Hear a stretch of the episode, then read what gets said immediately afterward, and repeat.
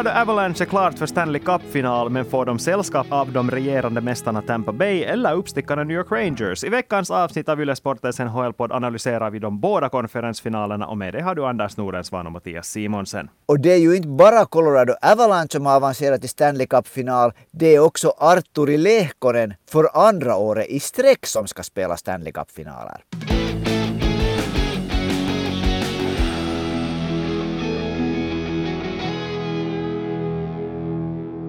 Ja, Colorado Avalanche, de måste vi ju ändå börja med, för de var Hej. Abs! Ja, Hej Mattias! Ja. Före, före vi nu går in på de här sådana här irrelevanta detaljer om, om det där sånt som har hänt nu. En stund ska vi tycka jag snacka om Gordy Gordon Drillon. Okej. Varf- varför ska vi snacka om honom? Det är nämligen så att Gordy Drillon är den enda spelaren i NHLs historia som ju inte är helt kort som alla vet, som har med förlängningsmål fört sitt lag två gånger till Stanley Cup-final. Och dessutom, precis som Arturi Lehkonen, som är den andra spelaren som har gjort det, två år i sträck. 1938, 1939. Okej, dagens fun fact avstökad där. För visst är det ju så, Arturi Lehkonen alltså för andra året på raken förde sitt lag med ett mål i förlängningen i den avgörande konferensfinalen till Stanley Cup-finalen. Förra året var det Montreal Canadiens, nu Colorado Avalanche. Och det som jag höll på att säga före du avbröt mig med den här fantastiska infon var ju det att de var förhandsfavoriter, men nu måste vi väl ändå säga att det här var exceptionellt. Nu har Colorado då svept två av tre möjliga serier i det här slutspelet med 4-0. Om vi börjar då med hjälten, Arturi Lehkonen. Jag vet att du är ett jättestort fan av honom som spelare. Jag måste väl medge att jag också börjar bli det senast nu. Om inte något annat så har han väl nu bevisat att han för det första kan spela i en stor roll i ett topplag. Han behöver inte vara en sån där bottenkedjesknegare i ett bottenlag. No, definitivt inte. Alltså, jag lyssnade här på en intervju med, med Colorados uh kapten Gabriel Landeskog genast efter matchen där han då fick såklart frågan om Arturi Lehkonen och han bara liksom skakade på huvudet och smålog och sa att, att, att han är den, den här killen och han använder den här termen som börjar kanske bli lite överanvänd, att han är Swiss Army Knife, en schweizisk fällkniv.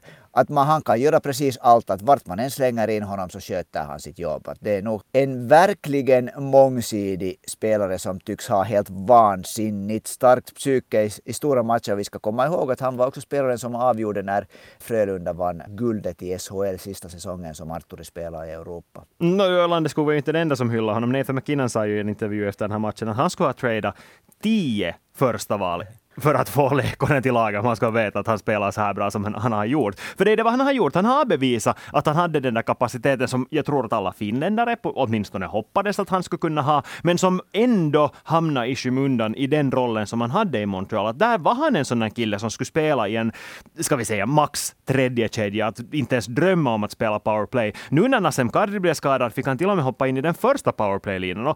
Jag vill inte säga att han gjorde så där väldigt superbra ifrån sig, men han gjorde tillräckligt bra ifrån sig, åtminstone mellan första matcherna. Och, och när vi snackar om powerplay så handlar det ju ändå lite om kemi och så där också, så det, jag åtminstone tror att det kan se ännu bättre ut i finalserien. Och det som ju han gör så, alltså ska vi säga att av allt han gör, poängen är ju såklart, no, i hans fall så tycker jag, det, det här är kanske lite dumt att säga, i hans fall så är det nästan lite att poängerna kommer som bonus.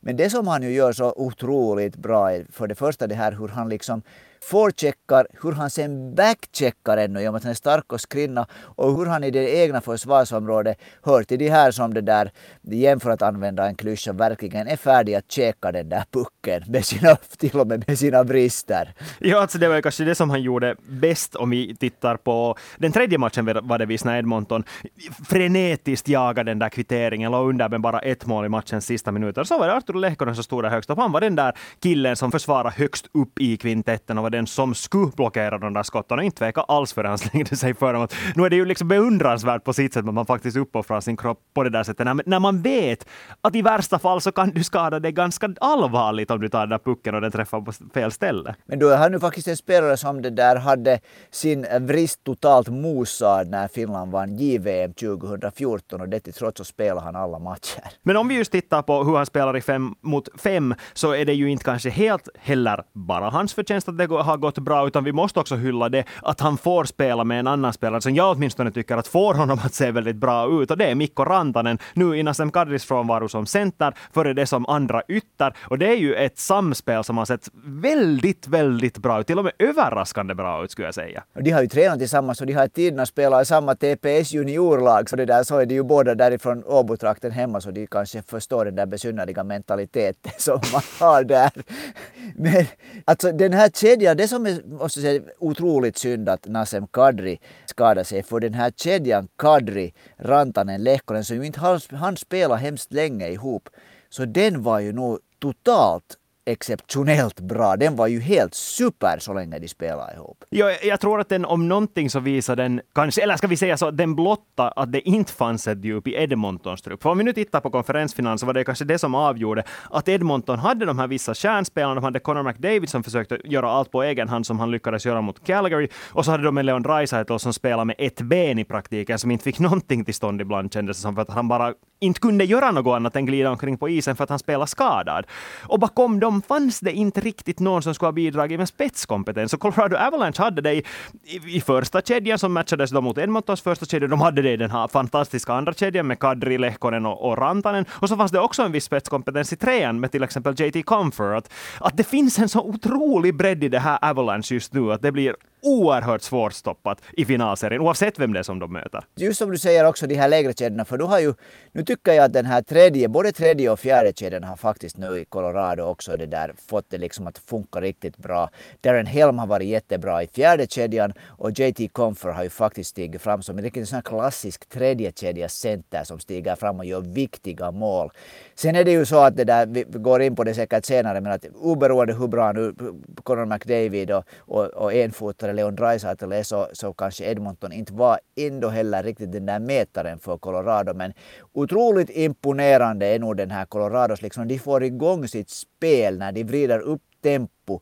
Så de där anfallen, de bara kommer, de kommer, de kommer. Liksom. Det är som en maskin som rullar över motståndarna. Man skulle nästan kunna kalla det ett snöskred, eller vad? No, man skulle ju nästan kunna göra det, ja.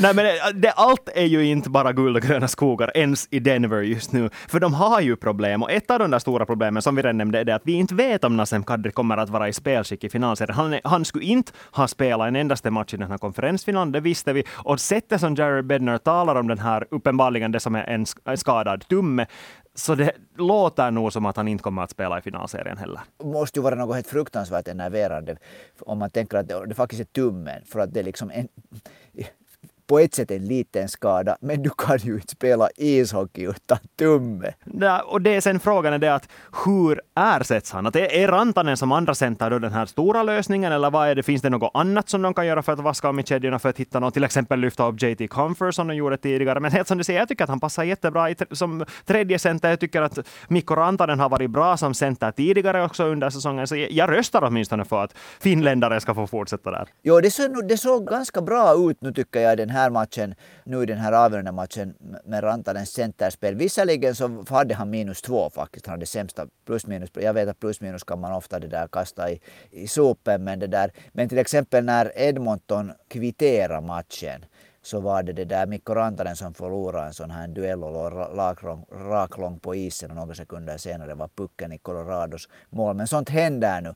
Men det där, jag tycker att den här kedjan, just, just för att axeln Rantanen-Lehkonen fungerar jättebra. Sen finns det ju olika alternativ. Det behöver ju inte vara André Burakovsky. Ingenting illa om André Burakovsky. Men det är ju inte sagt att han just är med den duon det liksom bästa alternativet. Och sen finns det ytterligare ett problem som vi inte heller kan förbise på något sätt och vis. Och det är målvakten. För att om Darcy Kemper inte kan spela, och Darcy Kemper har inte heller varit så där imponerande under slutspelet så här långt så är Pavel Fransos faktiskt en Stanley Cup-vinnande målvakt. Ja, och just det. Och om det råkar sig hända sig någonting sånt så det där, du kan säkert informera mig och lyssnarna vem som är den killen som då hoppar in om, om Pavel Fransos inte kan spela och Darcy Kemper är ur spel. No, det är ju Justus Annunen. ja, det skulle vara ganska intressant för honom att hoppa in plötsligt i Stanley Cup-finalerna. Ja, alltså, det är nog, om man tittar bara så här på statistiken, som man nu alltid gör när man tittar på målvakter, så AHL 48 matcher, ett snitt på tre insläppta mål per match, räddningsprocent 89,3. Det är ju inte riktigt sådana siffror som man vill ha när vi talar om en målvakt som ska stå mellan stolparna när du spelar om Stanley Cup-titeln. Men nu ska vi minnas att han har ju spelat helt okej okay i landslaget. Han har ju vunnit U18 VM-guld, inte riktigt nått samma framgång i, i U20-landslaget, men ändå att nu har han ju liksom visat att, att han är en målvakt som kan klara av press, men går någonting att jämföra med Stanley Cup-finalpressen, det är en annan fråga. Vi ska inte heller glömma det att när han spelade i Kärpät säsongen 2019-2020 så hade han det bästa målsnittet, alltså mm. snitt på insläppta mål per match i hela ligan. Släppte bara in 1,77 mål per match då. Så inte, det är ju inte som att han är helt dålig och det är inte som att han är helt oerfaren. Han har ändå varit deras första målvakt i AHL. Han är ändå en kille som de valde att lyfta upp, i brist på ja. andra förstås, men ändå att han är den där killen som de har sett som en framtida målvakt i Colorado. Nu kan det bara vara att framtiden kommer snabbare möjligt. För vi, ska, vi kan inte heller sticka under stol med Pavel Fransosio. Han höll nollan i den första matchen som han spelade, men efter det var han svajig i två på raken. Ja, och sen om vi tänker nu att oberoende vilket lag de nu sen möter, om det är Rangers eller Tampa Bay i finalen, så kommer det ett lag som det där har som hobby att köra över målvakter. Så det, där, det att en målvakt klarar sig utan skador i en hel serie, så det där, det kan gå illa så att säga.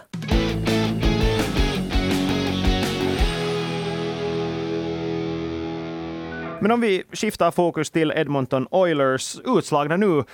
Ska vi börja med betyget helt enkelt? Tycker du att det här var god, en godkänd säsong av Edmonton Oilers, ändå till konferensfinal? Definitivt. Jag hörde till dem eh, så länge som, som den här, deras förra coach Dave Tippett var där och hur det såg ut ännu en tid efter årsskiftet var det väl. Så jag hörde till dem som trodde att Edmonton inte ens skulle ta sig till slutspel. Det, så liksom, det var den där katastrofhockeyn som inte ledde någon vart. Alla var missnöjda, alla skällde på varandra. Många skällde på Mikko Koskinen. Conor McDavid verkar som han så ofta har verkat liksom lite som en ensam varg och inte, inte på något sätt hemskt positivt till lagets framgång allt förändrades när Jay Woodcroft kom dit. Edmonton har gjort en helt fantastisk vår och att de är i konferensfinal, låt vara att det här bevisades tycker jag nu i den här matchserien mot Colorado. De kom från den svagaste divisionen och hade på det sättet en lättare väg till konferensfinal. Men Edmonton får definitivt godkänt, åtminstone av mig, för den här säsongen. Ja, inte kan jag heller påstå att jag skulle haft några högre förväntningar än att de skulle ta sig... Inte trodde jag ärligt talat inför säsongen att de skulle vara i konferensfinal, så jag tycker att det här är godkänt på alla sätt och vis. Sen kan vi gå in på individuella spelare. Som vi redan konstaterat, Connor McDavid, vi har ju redan erkänt att han antagligen är, den, är världens bästa ishockeyspelare just nu. Leon Draisaitl spelar skadad, gjorde antagligen det bästa han klarade av att göra med tanke på det. Men så kommer vi till den här tredje killen, Evander Kane.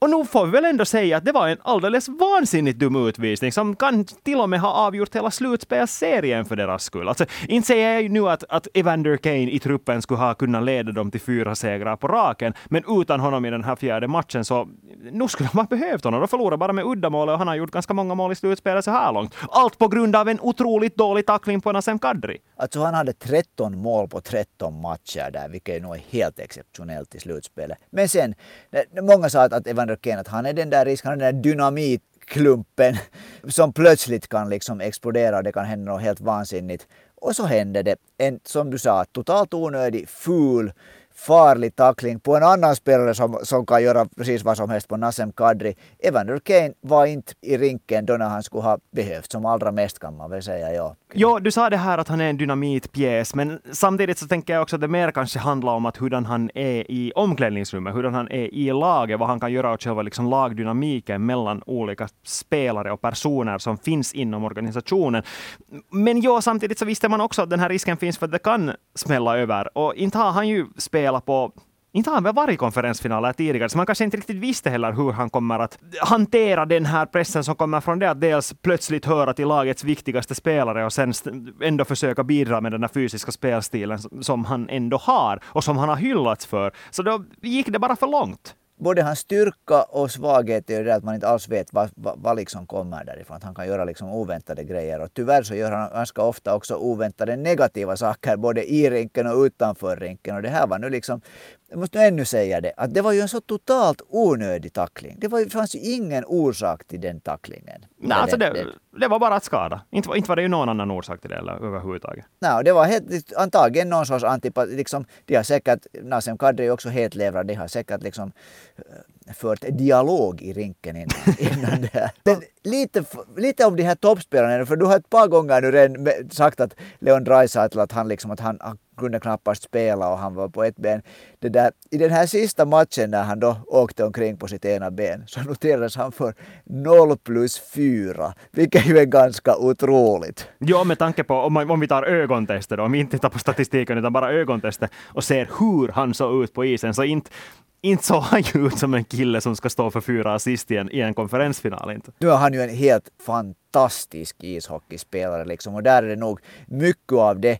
Såklart har han jättefin fysisk talang men just det här hur han liksom på som skada presterar så, så visar nog att han är liksom mentalt super, super hård. En spelare i Edmonton Oilers som vi måste diskutera är förstås Jesse Puljujärvi. Decimerat i en ganska liten roll när Evander Kane fanns i den spelande uppsättningen. När han blev avstängd i den här ena matchen, så då fick Jesse Puljujärvi också genast en större roll. Fick spela med toppspelarna.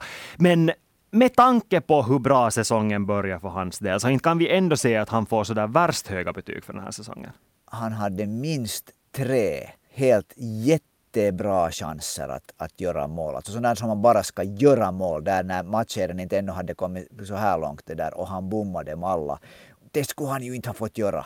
Och frågan är ju det i Edmonton, i och med att de står inför en sommar med ganska stora beslut, där ett av de här stora besluten är att hur mycket är de villiga att betala till Vander Kane för att övertala honom att stanna? För det finns uppenbarligen, åtminstone om man läser nordamerikanska medierapporter nu efter den här senaste matchen, så finns det åtminstone en vilja i Edmonton att förlänga med Vander Kane trots den här avstängningen. För att han var så otroligt viktig för dem, och det förstår man ju. Men problemet här är det att de har inte värst mycket utrymme under lönetaket att göra det. Och ett sätt att få mera utrymme med att till exempel träda bort Jesse Puljujärvi. Och, och där kommer vi sen till nästa fråga, att är Puljujärvi nu den spelare? Var det här slutspels Jesse Puljujärvi våren, sommaren 2022 den spelare som Jesse Puljujärvi som bäst kan bli? Eller har han ännu utvecklingspotential? Och han är ju faktiskt också en RFA nu den här säsongen. Uh, den här utvecklingspotentialen, så han har ju nu har han det där utvecklats till en spelare som är bra på att checka. Han har ju jättebra sån här underliggande statistik för att han gör många saker rätt. Men det som om man tänker på den ändå förväntningen, jag tycker han är inte så gammal ändå att man ska helt slopa de förväntningarna. Att han kom ju inte i NHL till, till Nordamerika som en spelare som producerar mängder med poäng, en offensivt bra spelare. Det börjar nog vara så att vad ska han välja, en hur han spelare blir Jesse Puljujärvi. Och just tanke på det här också så inte vet jag, jag är lite i det där laget som nästan hoppas att han skulle där hitta någon annan adress, inte kanske Arizona, men någon annan adress än, än Edmonton. Nu har ju Arturi Lehkonen till exempel också visat att det går att utvecklas från en roll till en annan i ganska sen ålder också. Ja, just det, det är sant. Puljujärvi, hans fysiska egenskaper är ju helt otroliga. Så att det där, jag skulle inte vara förvånad. Han, han har på ett sätt utvecklats han hemskt snabbt, men sen har det varit problem. Så det kan faktiskt hända att han mognar och att han når sin liksom högsta nivå som lite äldre än många andra spelare. En spelare som alldeles garanterat, eller ska vi inte ska vi säga alldeles garanterat, men som enligt all sannolikhet inte kommer att finnas i Oilers nästa säsong, så det är nog Mikko Koskinen. Han är en av de här med alldeles absurt hög lön med tanke på hur han har spelat. 4,5 miljoner mot lönetaket varje säsong. Det kommer Edmonton inte att vilja fortsätta med. De har andra målvakter i systemet som de vill lyfta upp. De verkar lita på Mike Smith fortfarande, också nästa säsong. Det är så som de här insatta reportrarna säger. Vi har inte pensionerad. Nu har inte den officiella pensionsåldern nu på sommaren. Om du vill kalla det så. så. Nej men alltså helt, helt på riktigt. Enligt till exempel The Athletics insatta Edmonton-reporter så är det så att de vill fortsätta med Mike Smith också nästa säsong och de har en annan målvakt i AHL som de vill lyfta upp. Mikko Koskinen, han får sticka. Han har en kontrakt med Schweiz, eh, ett kontrakt som ändå har en NHL-klausul. Men jag vet inte, jag har bara svårt att säga att han skulle fortsätta i NHL. Nej, alltså jag tycker man flera gånger under säsongen och under de här två senaste åren har sett liksom att Mikko Koskinen så att han varit lite fed up på det. Han har ju fått ganska mycket fyrk så att säga därifrån. Och att det där, att han, är, han är lite fed up på den här kritiken för han inte har han om man ser på hur Edmonton försvarar, vilket man igen kunde se till exempel när Arturi Lehkonen sköt in, sköt in det här segermålet och inte en enda back var nära honom när det var sudden death. Så en stor del av den kritiken som Mikko Koskinen har fått över sig tycker jag nog att backarna och försvarsspelet får ta på sig. Så jag på något sätt tror att Mikko Koskinen liksom säger att hej, att jag far till Lugano, där är kiva klimat och bra lön. Finns det något mer att säga om Edmonton då? Ska vi nu ännu en gång paketera det här så att det där att den här duon, Conor McDavid, Leon Draisaitl, alltså 16 matcher spelade. Sammanlagt stod de i de här 16 slutspelsmatcherna för 65 poäng. 65 poäng på 16 matcher och Conor McDavid hade plus 15, Draisaitl plus 4. Det är historiskt. Men som Conor McDavid själv sa efter den här förlusten, det här var ett steg i rätt riktning, men inte något mer än det. Så är det. Man kan inte vinna Sting med två spelare.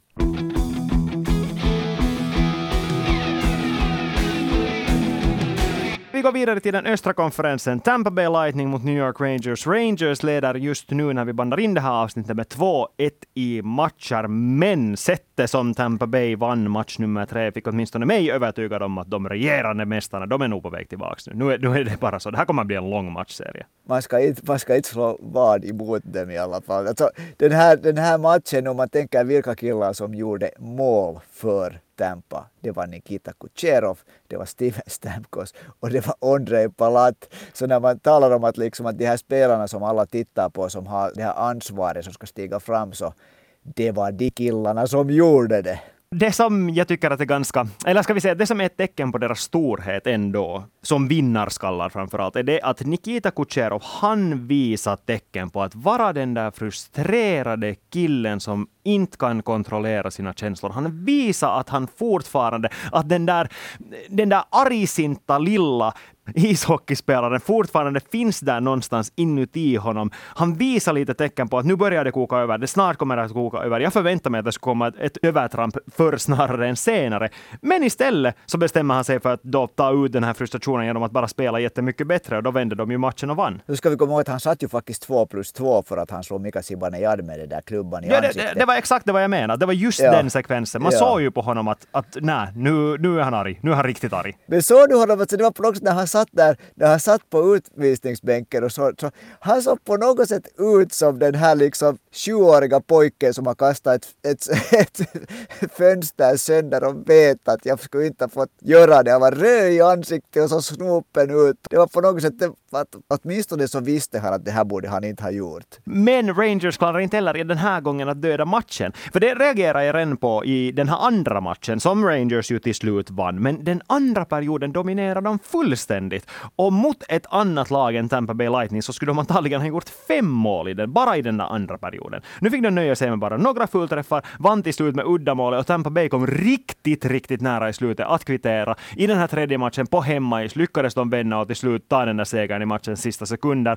Så jag tycker att det båda visar tecken på att Rangers inte riktigt har den där sista kliniska touchen som behövs för att ta koll på de regerande mästarna som det faktiskt bevisligen behövs. Och vad beror på Rangers och vad beror på Tampa i det här fallet? För Tampa är nog helt, just det här vad du säger att det är liksom favorit i repris, att laget hade den där chansen att sätta sista spiken men de gjorde det inte och så vann Tampa. Det är nog ett underligt lag. Liksom. Det är sån här liksom att de gör sitt liv, de gör sin framgång, de gör, sin, de gör sina liksom säsonger på att, med att liksom dansa på kniväggen och vända matcher. Men om någonting talar för Rangers just nu så är det ju det att de inte egentligen gör någonting fel förutom det att de inte sätter in tillräckligt många mål i rätt läge. Att om vi ser på hur de spelar så finns det ju inte hemskt mycket att kritisera. Men jag tycker alltså nu den här, den här matchen som Tampa vann, så där var ju skotten, det var, de hade 50 skott det var över 50 skott till slut mot Rangers. Att till exempel tredje perioden dominerade ju totalt.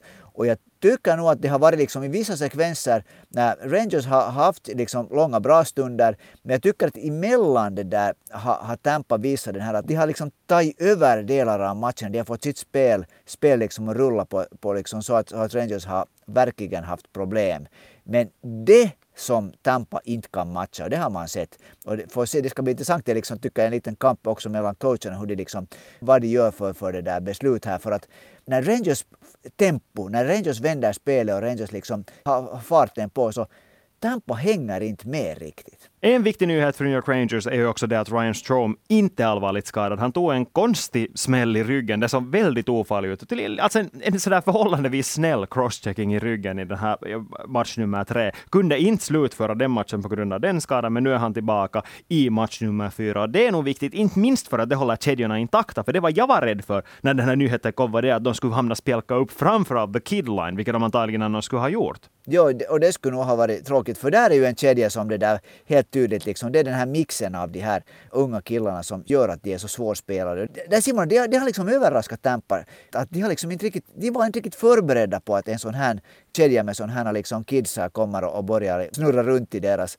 ände. Då i ärlighetens namn var vi inte heller förberedda på att de skulle vara så här bra. Vi sa redan före matchserien mot Carolina att the kid line har nått vägens ände. Alltså där bra kan de inte spela mot Hurricanes. Och nu gör de det fortsättningsvis mot Tampa Bay. Det här är, ska vi säga på alla sätt, bara jätteroligt att se på dem spela. När de spelar så på något sätt fördomsfritt, så anfallsglatt hela tiden. Och så är det jätteroligt att Capo Kakko fortfarande med där. Definitivt. Det, han, och det där, och jag tycker att nu, nu ser man nog, nu skulle jag nog nästan säga att man kan säga att Capo Kakko är på väg mot en riktigt bra NHL-karriär. Det, här, han, han liksom, det är så mycket han gör rätt att han, förhoppningsvis kan han ännu liksom under sommaren, han är så ung ännu, han är, som sagt han är, jätte, han är, han är 190 centimeter lång och han är stor kroppshydda. För, förhoppningsvis kan han ännu liksom påverka det att han blir lite mer explosiv i sin skridskoåkning. Men den här matchserien, alltså om man jämför med, visst var den underhållande den här Colorado-Edmonton, men Colorado var hela tiden tydligt bättre tycker jag. Men, men den här matchen mellan, mellan Rangers och Tampa Bay så det är ju nog bra, liksom härlig hockey för det är två lag som de verkligen stångas emot varandra och det är en kamp. Men vi, vi har faktiskt fått in en fråga just på Kakko. Sami undrar, eller Sami skriver så att han tycker att Kakko spelar bra just nu, men borde han ändå byta klubb? No, jag tycker nog inte att han borde byta klubb. Av två orsaker, där kanske det finns också flera, men två som jag nu skulle lyfta fram här. En är det att han blev vald som två av New York Rangers och då är han nog liksom, de har satsat på honom. Det att han nu skulle byta klubb så betyder ju att New York Rangers anser att de har misslyckats med honom och det är inte, han är så, jag tycker liksom att på det sättet så hoppas jag nog att han inte byter klubb. Och sen skulle jag också säga att jag antar nog att Gerard Galant får fortsätta som coach för New York Rangers. Och åtminstone i mina ögon, säger om du är av annan åsikt, så verkar det som Gerard Galant skulle vara just rätt kille för att coacha en sån här ung man. Nej, jag håller med fullständigt fullständigt. Men jag skulle ändå säga att det finns vissa tendenser som tyder på att Kakko ändå är den i Kidline som är minst uppskattad. För att det som hände mot Carolina när det gick segt i de här två första matcherna var ju att man spjälkade upp de här kedjorna. Man flyttade upp Philip Hittil till första kedjan. Man flyttade Alexis Lafreniere till den andra kedjan och Capo Kakko fick stanna i trean tillsammans med Frank Vetrano och Andrew Kopp, de här andra svagaste länkarna i de här toppkedjorna. Så man liksom bildade en ny kedja som sen som tur var blev väldigt kortlivad för den var jättedålig. Men där var ändå Kakko den som var den förloraren när man spelade upp de här kedjorna. Så det tyder ju ändå på att, att Hitil och Lafreniere är de som man... Det är de kidsen som har störst uppskattning i Galants ögon just nu. Men så kan man ju också tänka på det sättet att, att den liksom förändringen berodde också. Man tänker att okay, Andrew Kopp har ju spelat ganska stor roll i New York den här våren att är Kakko sen den av de här tre killarna som är helt enkelt bäst på den här tredje kedjans traditionella roll att vara lite mer en sån här som liksom söndrar motståndarnas spel. Är han liksom den som är mest ansvarsfull av de här tre spelarna? Det är en, ett väldigt bra argument faktiskt. Det har jag någonting att säga emot. För han har ju, han har ju tagit, om det är någonting som det där, om man tänker att han har lite, man, man är lite besviken på att det inte har kommit den här offensiva explosionen, men det som han ju har blivit helt otroligt, otroligt mycket bättre på, på ett par år under det här året, att det hur han spelar liksom hemåt. Det stämmer. Men hej, som du sa, det är två lag som stångas mot varandra. Tampa Bay ligger bara under med en match just nu. Många matcher återstår, hoppas vi med tanke på hur bra hockey det har varit. Nikolaj och Edvard vill båda veta, vem är det som går vidare? Vem är det som ställs mot Colorado i finalen? ja, ska vi säga att jag vill väl påstå att det laget vars supermålvakt får den här totala Jesusväxeln in här. Och så. Jag måste inte fundera på vilken jag tippar på. Ja, alltså det lät ju nog som att du vill säga Tampa Bay Lightning där. Det, det, alltså det här kommer på något sätt, jag nästan det där tänkte att det, där, att det var ett så stort mål för Tampa när det var under en minut kvar och Ondrej Palat sköt in det där. Det var sån där liksom att hej, vi kan det här. När vi spelar som bäst så är det ingen som stoppar oss. Den känslan tycker jag lite. Och sen var ju Vasilevski bra i den här matchen. Jag tänker säga att New York Rangers går till final. Jag står i en studio i Åbo tittar ut över Salutorget som i och för sig byggs om just nu. Men alldeles garanterat kommer det att firas en Stanley Cup-fest här någonstans i knutarna i sommar. Capo Kakko och Rangers kommer att gå till Stanley Cup-final och möta Mikko Rantanen och Arturi Lehkonen Colorado Avalanche. Så är det bara. Jag är inte mig emot. Nu börjar jag också bli lite trött på att alltid se Tampa Bay Lightning där, som inte har en enda finländare. Vi är tillbaka igen hej om en vecka. Om du har en fråga eller ett ställningstagande eller vad som helst så skicka in det på Ylesportens Instagramkonto eller per mail till svenskasporten.yle.fi. Vi hörs igen! Tack och hej och ha det bra!